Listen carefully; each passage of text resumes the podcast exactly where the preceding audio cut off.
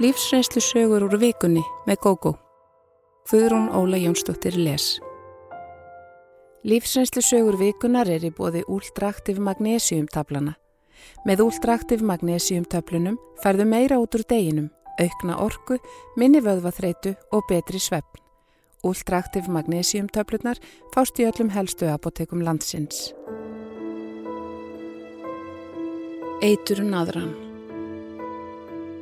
Eftir óþægilegt spjall við gamla skólasistur á skólamóti fór ég að spyrjast fyrir um hana. Ég komst að því að rót alls ills hjá fjölskyldunni liggur hjá móður hennar sem virði slíða best þegar börn hennar eiga í illdeilum. Við vala vorum aldrei neinar sérstakar vinkonur í gamla daga og því kom það mér á óvart þegar hún sóttist eftir vináttu við mig á Facebook fyrir nokkrum árum. Hún var ekki í sama bekk og ég og það ríkti ákveðin ríkur á milli bekkjana. Það breytist þó í úlingadeild en það var bekkinum eitthvað skipt upp þá. Við spjöldluðum þó stundum saman og báðar vorum við í skátunum. Vala hefur gert það mjög gott í lífinu, er í góðu starfi og gift aðtapnamanni sem hún á tvö börn með. Á meðan ég barðist við að kaupa mér íbúð eftir skilnað, ein með dóttur mína, hefði hún eflaust valla heilsa mér á götu Því mér hefur fundist af þessum litlu Facebook-kinnum okkar að hún hafi lítinn skilning á lífi venjulegs fólks en það aldrei þurft að hafa fyrir neinu sjálf, að minnstakosti ekki þegar kemur að peningum. Vala átti efnaða fóreldra og afarfallegt heimili sem ég sá aldrei nema utanfrá. Það var svo fínt heima hjá henni að hún mátti ekki taka nema eina vinkonu með sér heim í einu og þar sem hún átti bara eina bestu vinkonu bauð hún henni heim, skiljanlega. Við heinir krakkarnir heyrðum að fógdýrum persneskum teppum á gólfum, dýrmætum munum og glæsilegum húsgögnum. Vikulega kom kona heim og þreif allt hátt og látt. Á meðan ég þurfti sjálfa taka til í eigin herbergi og aðstóða við heimilistörfin heima eins og flestir krakkar, slapp vala við allt slíkt. Pappi völu rakk heildsölu og mamma hennar vann hálfan daginn í banka þar sem móðurbróðir völu var útibústjóri. Vala er eina fjórum sískinum á tvo eldri bræður og eina sistur, yngri. Eldri bróðurinn fór í nám til útlanda og ílengdist þar en hinn þrjú fóru ekki í langskólanám. Þótt ég byggi í nágrinni við heimili völu alla æskuna, vissi ég ekki mikið um hana og fjölskyldu hennar. Almennt var álitið að heimili hennar væri fyrirmyndar heimili þar sem allt væri eins og það ætti að vera. Mig hefði aldrei grunað neitt annað og mjög langur tími leið þar til ég komst að því hvernig æska völu hafði verið. Fyrir örfáum árum fór ég í skemmtilegt matarbóð hjá vinkonu minni sem ákvaða að sapna saman fólki á ymsum aldri sem hana langaði til að kynna hvert fyrir öðru. Við vorum tólf talsins og þeir sem voru giftir í hópnum mættu án maka. Silja, yngri sýstir völu, mætti í bóðið og satt við hliðin á mér á meðan við borðuðum. Hún reyndist vera einstaklega skemmtileg og við töluðum mikið saman þetta kvöld. Í kjálfarið gerðumst við Facebook-vinir og hún var og er döglega að kommenta við fæslur mínar. Einnig byrti ég myndir frá þessu skemmtilega matarbóði á síðunum minni og þar sást Silja auðvitað. Að auki höfum við hist nokkrum sinnum með vinkonu okkar og farið saman á kaffihús. Næst þegar við vala hittumst var það á skólamóti og ég hlakkaði mikið til að hitta hana og alla hina krakkana á skólanum. Árgangurinn minn hafði verið freka lélugur í að halda skólamót og komin tíu ár síðan síðast og þá komst ég ekki. Ég tók strax eftir því að vala var orðin drukkin fyrir borðhaldið og ákvaða forðast hana því ég þól ekki mikið drukki fólk.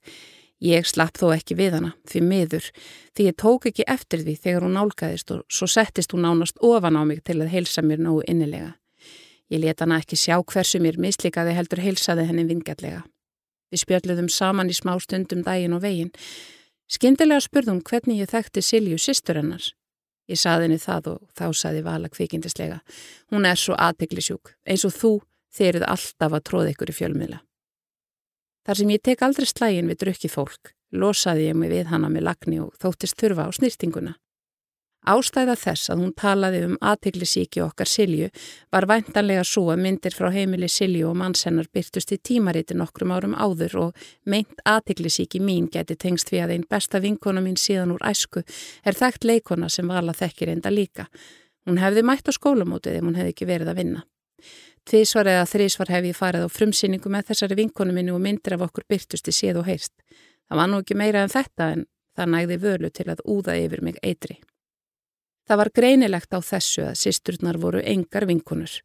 Silja hafði þó ekki minnst á völu í matarbóðinu þótt hún vissi að við hefðum verið saman í skóla og í skátunum en ég hugsaði ekkert út í það þá. Ég hef þagað yfir þessu við Silju til að gera ekki illt verra. Mér líkar mjög vel við hana en finnst ég ekki verið manneskja þótt ég segi ekkert. Og þessum tíma vissi ég ekki að sýsturnar töluðust ekki við og þótt ég hefði vitaða, hefði ég heldur ekki sagt neitt. Þessi stað spurði ég vinkonu mína, þessa sem bauð okkur Silju í matarbóðið og forvitnaðist um þetta. Jú, hún þekkti Silju mjög vel og vissi að þær sýstur töluðust ekki við. Bróðir þeirra, sá sem er búsettur á landinu, talaði heldur ekki við sýstur sínar eða þær við hann. Þetta hefði alltaf verið svona. Mamma sískinana væri algjör eitur naðra sem liði best þegar öllum væri illa við alla. Hún hefði allt börnum sínum saman frá því þau voru ungir krakkar og hún og þetta sjúka fjölskylduminstur væri ástæða þess að elsti sonurinn hefði ekki snúið heim úr námi. Hann var í einhverju sambandi við sýstur sínar í gegnum Facebook. Það var ekki meira en það. Mamma þeirra var alltaf með eitt hvert eitt sískinan að þryggja í uppóhaldi, gaf því jafnvel stór gjöf upp úr þurru sem særði hinn sem voru í ónáð hjá henni og gerði þau einnig reið. Vala fekk forláta píjan og fóreldra sinna að gjöf þegar þau minguðu við sig húsnæði. Silja var ekki í náðinni hjá mömmu sinni þá og þótt henni hafi verið lofað píjanóunni í mörg ár var hún heiklust svekin en hún var svo eina sískinana sem hafi lært á píjanó. Engu tíma þegar sonurinn þóttu bestur skipti mamma þeirra um bíl og í stað þess að selja þann gamla sem var reynd ekki svo gamal heldur nokkura ára fínasti jeflingur gaf hún sínin um hann. Þetta hlýtur að hafa verið einstaklega særandi. Ekki það að foreldrar megi ekki nota peningana sína eins og þá listir, maður gerir ekki svona upp á milli barna sinna.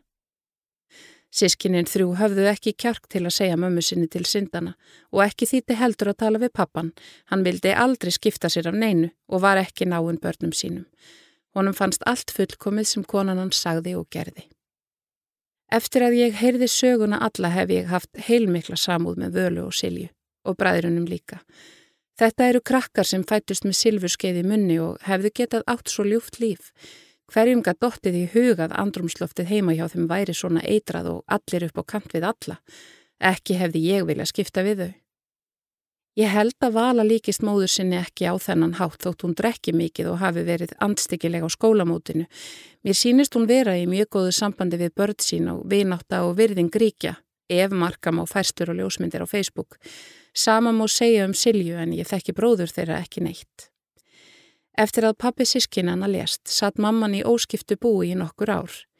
Mér skilst að þegar hún dó hafi hún látið eftir sig eins konar erðaskráð þar sem eitt barnana átti að fá mest. Það urðu málaferli og mikið leiðindi, þannig að gömlu konunni tókst að gera allt vittlust á milli sískinana en einu sinni og það eftir dauða Ég kendi mér um framhjóhald hans. Ég kynntist nonna tveimur árum eftir að ég skildi við fyrir mann minn. Hann var það sem í daglegu tali er kallað töffari.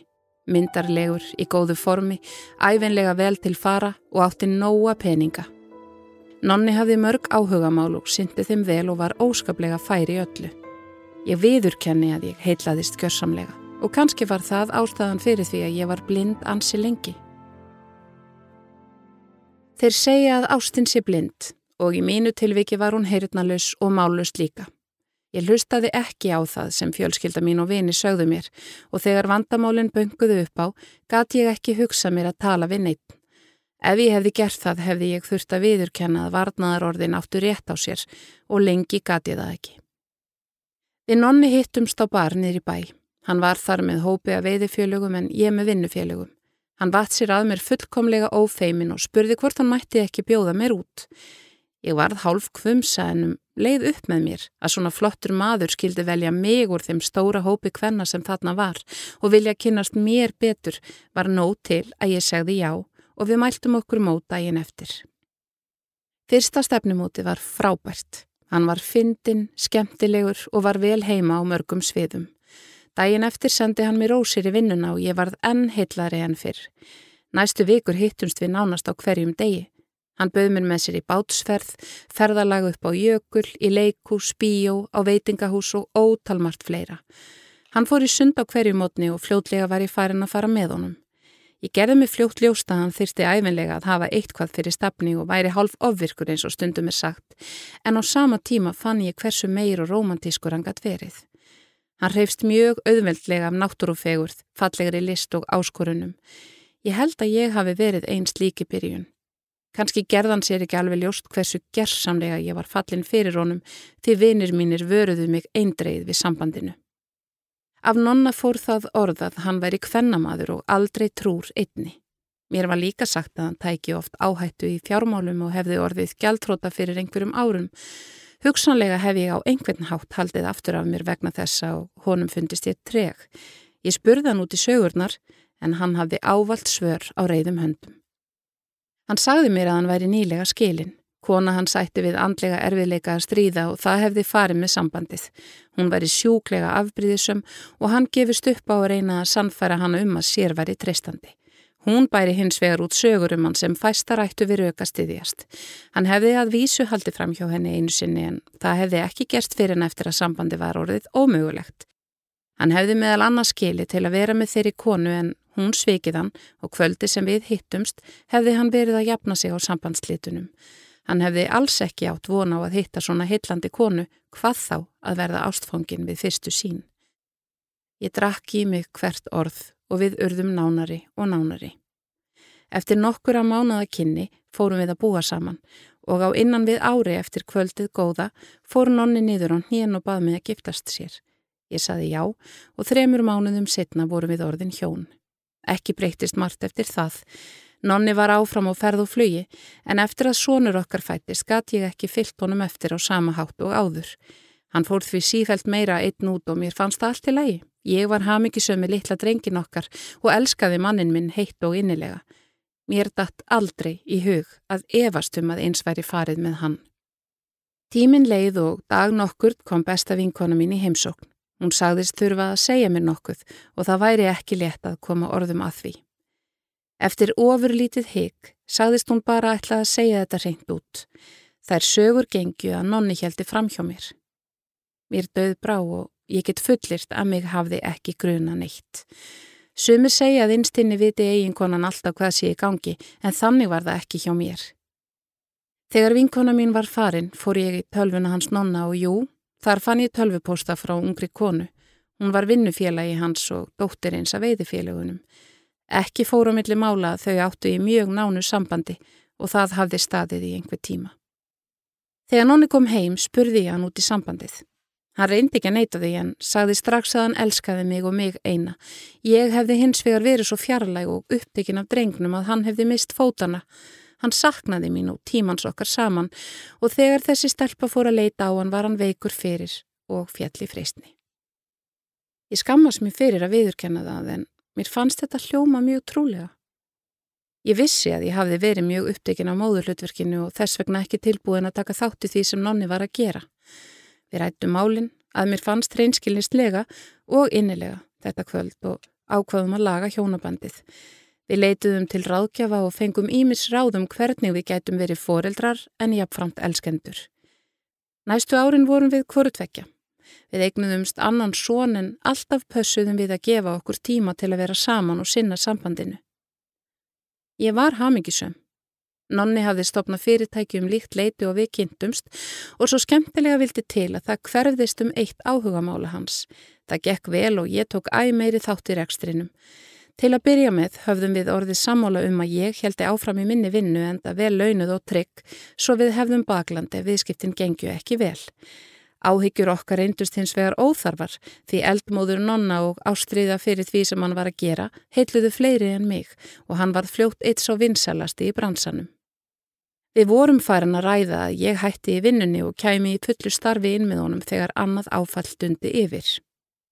Ég var að vinna að gerð áallana með nonna þegar hann skrappa á klósettið. Síminars ringdi og ég þorði ekki annað en að svara því þetta gæti verið kunni. Á hinum endanum var hins vegar ung kona sem brotnaði neyður og grét þegar ég svaraði. Hún sagðist elska nonna og ég var í vondað haldunum föstum í ómögulegu hjónabandi. Hann hefði margóft sagt að hann þráði ekkert heitar en að losna frá mér.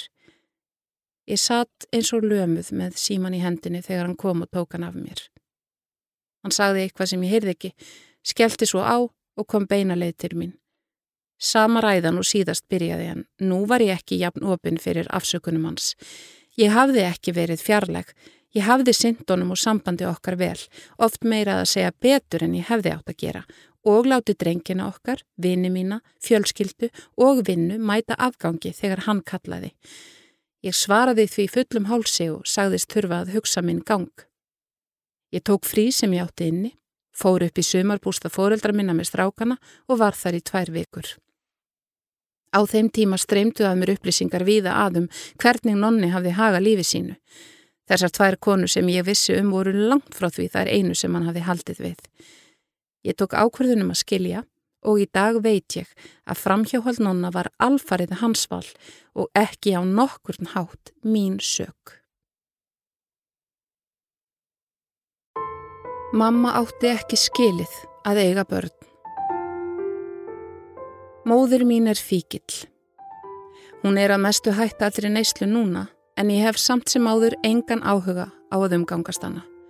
Henni finnst ég grimmur að halda barnabörnunum frá henni en fyrir rúmum 20 árum lendi okkur saman og síðan hef ég sjaldan talað við og hitt móður mína. Mamma var tvítug þegar ég fættist og pappi 36 ára. Hún sagði mér síðar að hún hefði viljandi orðið ófrískað mér til að eignast örugt og gott heimili. Pappi átti íbúð, var sjómaður í góðu plássi og þokkalega stattur efnahagslega. Það nægði mömmu til að ákveða að hún vildi giftast honum. Fljótlega kom hins vegar í ljósa, fyllir í og skemtanir voru meira virði en heimili sem hún þó hafði sóst svo eftir að hún gekk í hjónaband og eignaði sparð með manni sem hún elskaði ekki. Hún held áfram að djama með vinum sínum og skildi mig eftir hér og þar. Pappi varð fljótlega þreyttur á lifnaðarháttum hennar og stjórnlausri peningaðislu. Þegar hún var drukkin kefti hún óspart vín handa vinum sínum og hún þurfti líka að kaupa ný fött, fylgilhuti og snirtiförur til að vera nú manniska með mönnum á kránum sem hún sótti. Þegar ég var fimm óra gafst pappi upp og þau skildu. Hann reyndi að fá forsjá mína en í þá daga þurfti mikið til að feður fengju hana og svo staðrind að hann var sjómaður hjálpaði ekki. Ég átti þó lengi atkvarf hjá honum þegar hann var í landi. Tveimur árum síðar hóf mamma sambúð með stjúpa mínum. Hann var drikkjumadur og notaði einnig óspart pillur, hass og annað sem gafst. Íbúðin þeirra, því ég get ekki kallaða heimili, var alltaf undir lögði í partihaldi og illastatir fíklar gengu þar út og inn. Ég fór nokkrum sinnum að heimannu miðjanótt og gekk langa leið heim til ömmu. Hún dó þegar ég var átt ára og eftir það fór ég að sofa í stigagöngum og ruslageimslum þegar ástandi var verst. Bróður minn var nýfættur þegar þetta var og ég reyndi strax að hugsa um hann og forðunum þegar ég gatt. Ég tók hann stundu með til pappa og hann syndi okkur báðum. Barnaverðar nefnd hafði fyrst afskipti af okkur mömmu skömmu eftir að hún og pappi skildu. Þá var ég tekin af henni og komið í fóstur í sveiti nokkra mánuði. Þar leið mér einstaklega vel. Hjónin á bænum voru ballus og óskaplega gott fólk. Fósturmóður mín þráði að eignast börnin gat það ekki. Þegar mamma sótti mig að fóstrinni loknu, gret ég og vildi ekki fara með henni. Konan frá barnaverðar nefnd varða að slíta mig úr fanginu á fósturminni. Ég fór einu sinni aftur til hennar í stittra fóstur áður en bróður minn fættist, en eftir að hann kom til fór ástandi versnandi, engum vegna þess að stjúpi minn var enn verri en mamma. Næstu árin var mér og bróður mínum reglulega komið fyrir hjá þessum góðu hjónum í mismunandi löngu fóstri þegar lögregla hafði þurft að hafa afskipti af mömmu og stjúpa mínum. Hann var reglulega dæmdur í fangelsi fyrir alls konar brot, þjófnaði, líkamsárásir, dópsölu og fleira. Þegar ég var tíu ára, lést pappi minn af slísförum. Til allrar hamingju gerðist það í einum af mörgum fósturtímabilum og fósturfóruldrar mínir hjálpuðu mér mikið að komast yfir fyrsta og alvarlegasta áfallið. Í kjölfarið sendi fóstra mínin beðinni til barnaverndar að fá okkur bræður í varanlegt fóstur eða fá að ætleiða okkur. Þetta var borið undir mömmu sem þver neytaði. Hún ætlaði sko ekki að gefa börnin sín frá sér, börnin sem hún elskaði svo heitt. Við vorum sóttir, einaferðina enn, og færðir heim til mömmu. Við vorum þar ekki lengi því mamma fór með stjúpa mínum í innkaupaferð til kaupmannahafnar og þau voru tekin í tollunum og leiðinni heim. Hún fekk í kjölfari tvekkja ára dóm og var sett inn í Kópavóksfangilsitt. Við bræður vorum því mættir í sveitina til pappa og mömmu fyrir en okkur dokkar hafði vænst. Setna sagði fóstra mín mér að hún hefði hikað í það sinn og ætlaði að neyta að taka við okkur. Henni þótti það væntum okkur báða að það var farið að taka mjög á hana að hveðja okkur og viðbættist að hún hafi gefið upp á bátinn alla vonum að fá að halda okkur varanlega. Mamma satt inni í rungt ár. Líklega hefði hún sloppið fyrir ef hún hefði ekki orðið uppvísað eiturlifjanislu í fangilsinu. Hún fór í meðferðar efsi vistin í lokinni og nú átti að standa sig. Hún vældi í barnavendarnemnd og einu sinni enn ákvað það vitra fólk að gefa henni tækifæri. Dægin sem þau mættu í sveitina að sækja okkur leti mig hverfa.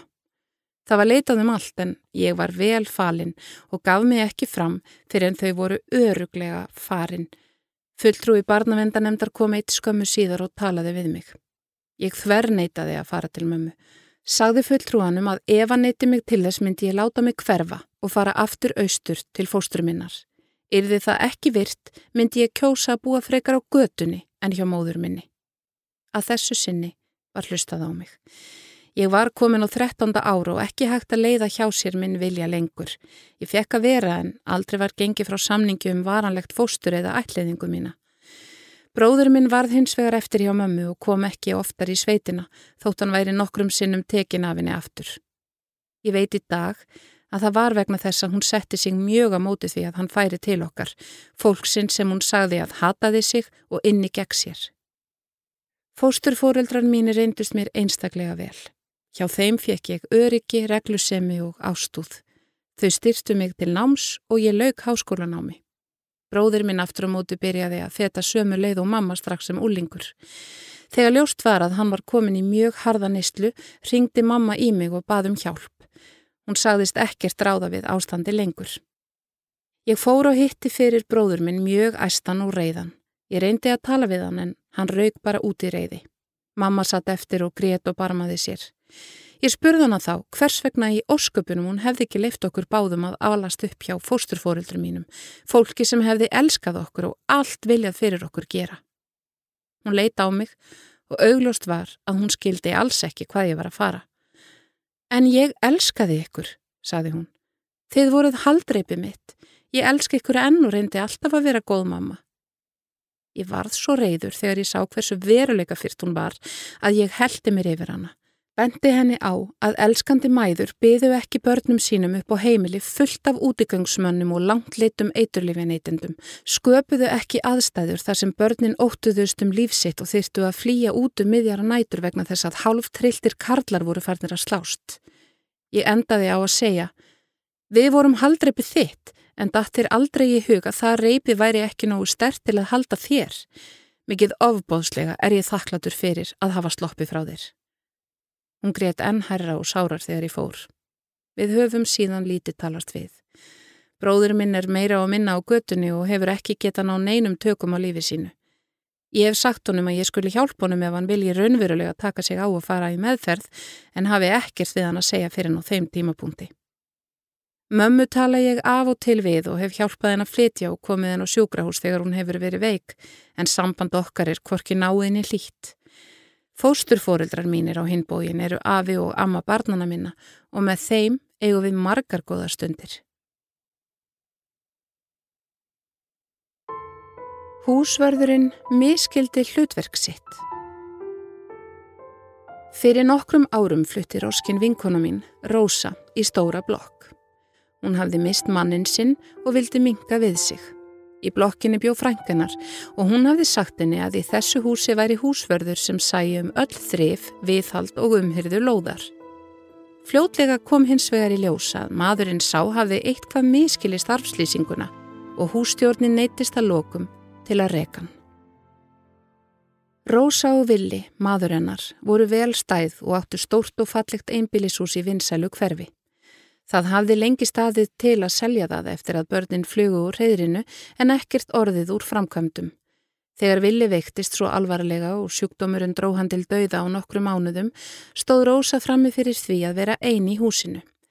Henni fannst það hálf ógnvænleg tilugsun en líka langaði hann að byrja alveg að nýju, takast á við sorgina með því að skapa sér heimili sem ekki væri hennar og villa heldur fyrst og fremst hennar eigið. Húsið seldist fljótt en Rósu gekk illa að finna eitthvað sem henni líkaði. Hanna langaði að vera áfram í gamla hverfinu sínu en vildi ekki þurfa að hugsa um garðið að taka þessir þrif á samign.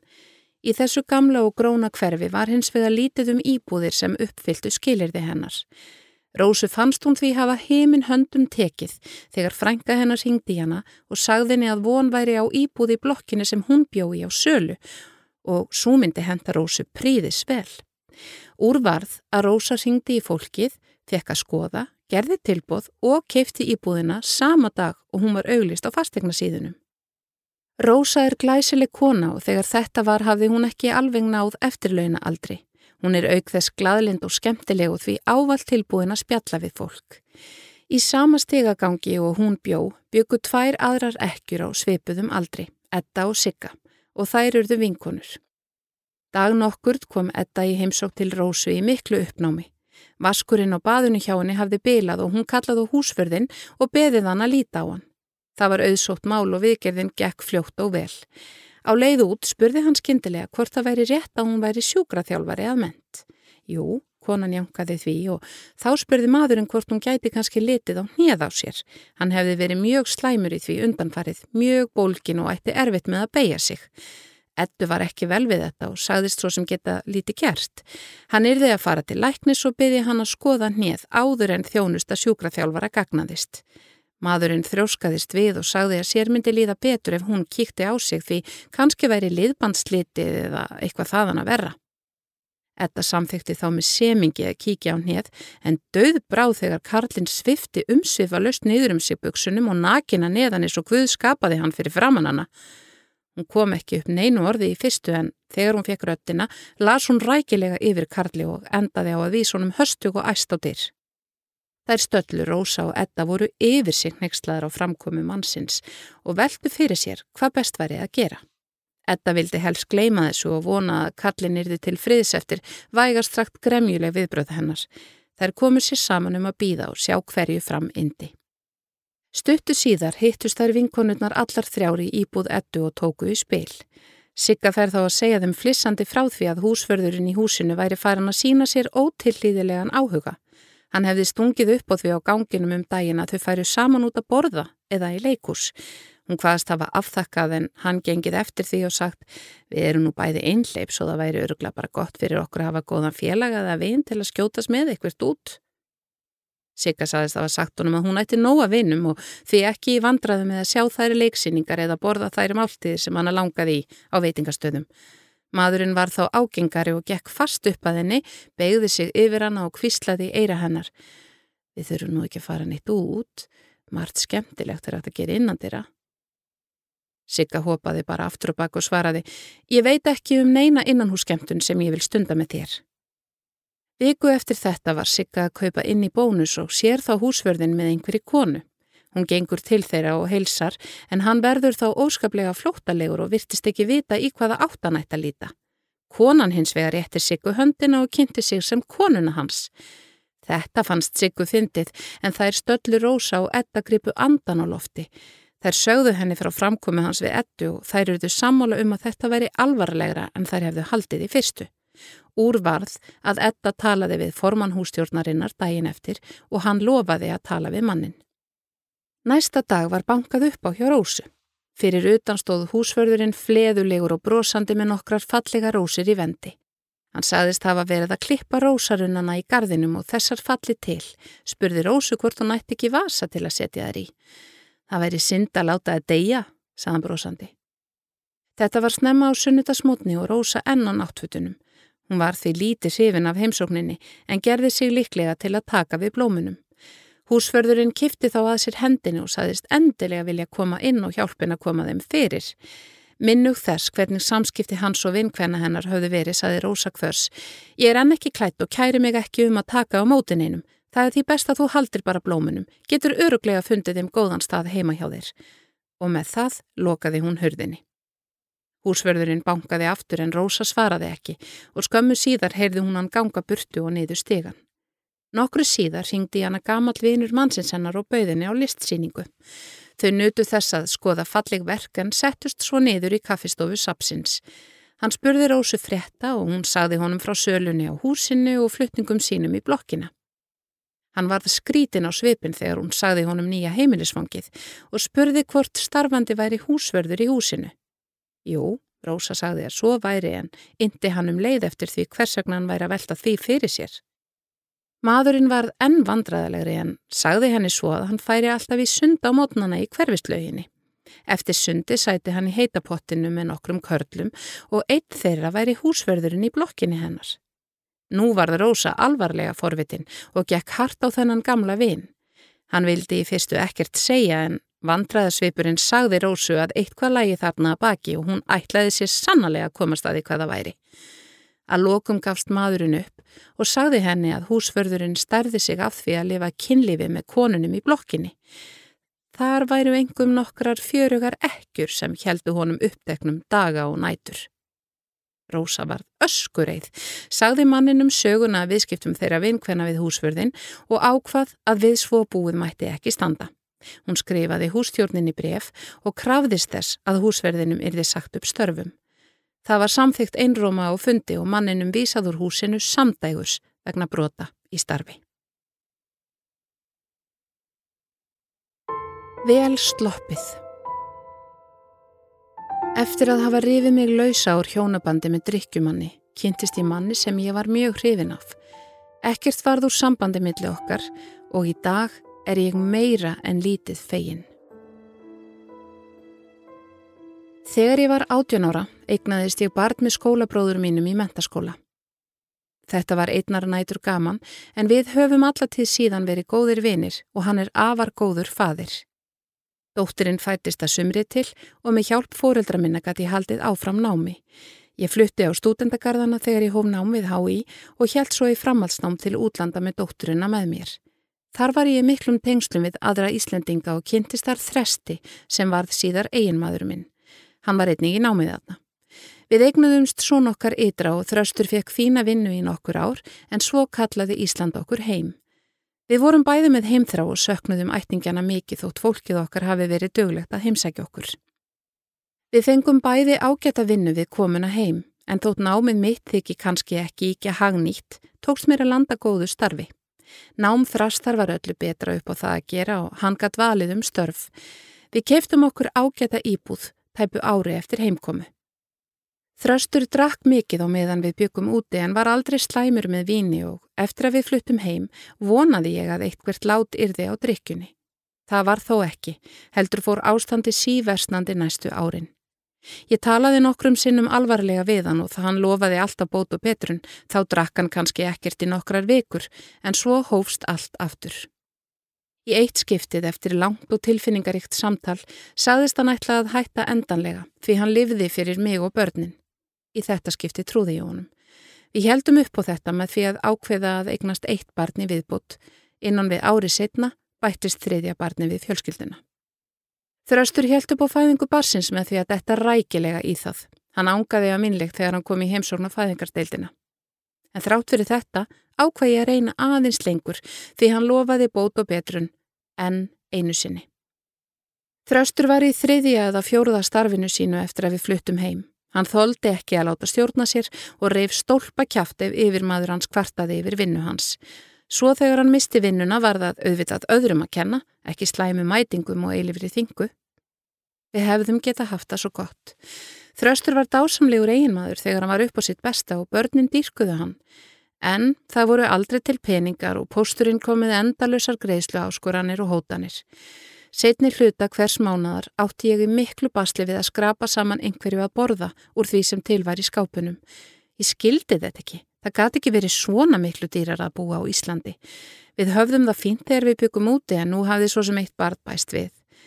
Það kom fyrir að ég skrapp til mömmu og fekk smá upp að ég lánaði hjá henni. Ekki var það auðvelt við þótt mömmu finnist gaman að lauma peningum að okkur börnum sínum og barnabörnum, vill hún hafa frumkvæðið að því sjálf og varð pyrruð ef maður baðan um lán. Þó leti mig hafa það til að börnin mín væru ekki svöng. Yngsta barni var á engareknum leikskóla og að fóreldrafundi eitt kvöldi komi ljósa við höfðum ofgreitt valargjaldi þann mánuðin upp á nokkra þúsunkalla, glemst hafði að draga frítaga frá. Það átti að leggja mismunin inn á okkur daginn eftir. Mér leið eins og ég hefði unnið í hattrætti. Nú ætti ég fyrir mat út mánuðin. Eitt fóreldrið stóð upp og komið þá hugmynd að ofgreðslan rinni frekar í leikfangarsjóð. Ég beigð millir vonar og óta og taldi víst að tillegan er því samþygt en sagði þó ekki orð. Leikskólastjórin sýsti höfuðið og ítrekkaði að við fengjum endurgreitt. Léttir minn var mikill en samt var þetta einn mesta nýðurlægingarstund mín. Þarna áttaði ég mig fyrst almennilega á því hvernig lífi mitt var orðið. Nokkru mánuðum setna vorum við þröstur skilin. Ekki leið langur tími þar til ég fann að ég hafði miklu meira á milli handana en á meðan ég var gift. Það hafði ekki kvarlað að mér hversu miklum peningum var hægt að eigða í vín. Nú átti ég alltaf fyrir nöðsinjum og gataði auki veitt mér eitt og annað sem ég hafði ekki getað um margra ára skeið. Við þröstur höfum verið ágæti svinir eftir skilnaðin en það liður mörg ári viðbútt þánga til hann fór í meðferð. Nokkrum árum eftir skilnaðin hitti ég Jónsa. Hann bjóð út að landi, var í sumarfríi og ætlaði bara að stoppa yfir helgi í Reykjavík en framlengdi dvölina til að vera lengur með mér. Við vorum eins og sköpuð hvort fyrir annað og á skömmum tíma kviknaði eld heit ástámilli okkar. Hann bjó í dreifbili á hinum enda landsins, þó ekki á Sveitabæ og í um hálftíma axtusfjarlað frá næsta þéttbili. Eftir að hafa heimsótt hann einu sinni þetta sumar, hann mun oftar mig til Reykjavíkur og þess á milli spjalla saman í síma, byrjuðum við að tala um sambúð.